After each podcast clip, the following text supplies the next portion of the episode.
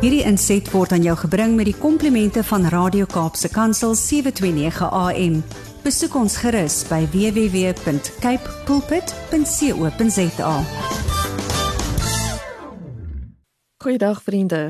Dis weer ek Erika de Tooy vanaf die Wes-Kaapse Vereniging vir persone met gestremthede om lekker saam te gesels oor gestremdheid.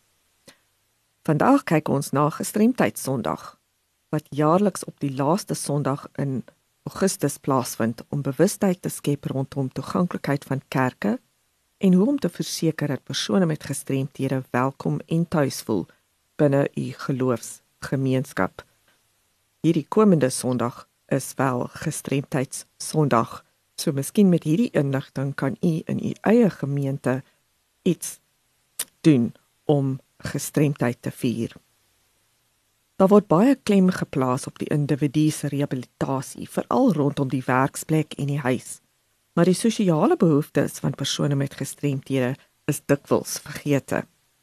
Veral as dit by geloofsbehoeftes kom. As 'n gemeentelid skielik 'n gestremdheid of opdoen of 'n kind met 'n gestremdheid gebore is, moet die gemeente gereed wees om hulle by alle aktiwiteite in te sluit. Nou wonder ek hoeveel van ons het iemand met 'n gestremdheid binne ons gemeentes. Seker nie veel nie, behalwe vir ouer persone wat 'n mate van gehoorverlies het. Maar dit beteken nie noodwendig dat persone met gestremthede nie in jou omgewing bestaan nie of dat hulle wel na u gemeente toe wil kom. So hoe kan ons ons gemeentes verander om meer aanvaardend en inklusief te wees? Ons moet eerstens besef dat daar heel moontlik van die bestaande gemeentelede is wat een of ander verlies het, maar dit nooit genoem het nie. Dit kan miskien die ouer persoon wees wat nie meer die preek of gebede kan hoor nie of mooi kan sien om saam te kan sing. Of miskien is die gemeente bewus van lede wat sukkel met gehoor of sig, maar nie weet wat om te doen om hulle in te sluit. Meeste van ons is bekend met die ooglopende behoeftes vir 'n oprit en aangepaste badkamers vir 'n rolstoelgebruiker, maar is minder bekend met die behoeftes van diegene met ander tipes gestremdhede. Vir iemand met gehoorverlies sal dit baie help om nader aan die spreker of leser te sit waar die klank van beter kwaliteit is, asook gedrukte weergawe van lesings, gesange en die preek te ontvang. Goeie beligting help ook vir kommunikasie. So maak seker dat die lokaal goed belig is en dat sprekers nie voor 'n lig staan nie met hul gesig in skaduwee. Verwelkom almal met 'n glimlag. Selfs al kan die persoon dalk nie jou gesig kan sien nie, sal hulle die glimlag in jou stem kan hoor. Deesdae skud ons nie meer hande wanneer ons groet nie, maar die sogenaamde fist bump is heeltemal aanvaarbaar veral vir diegene wat beperkte handfunksie het. Wag dat iemand met 'n visueel gestremdheid al hand uitsteek sodat jy dit kan skud of bump. Anders staan jy miskien met jou hand uit en hulle kry dit nie om te kan skud nie.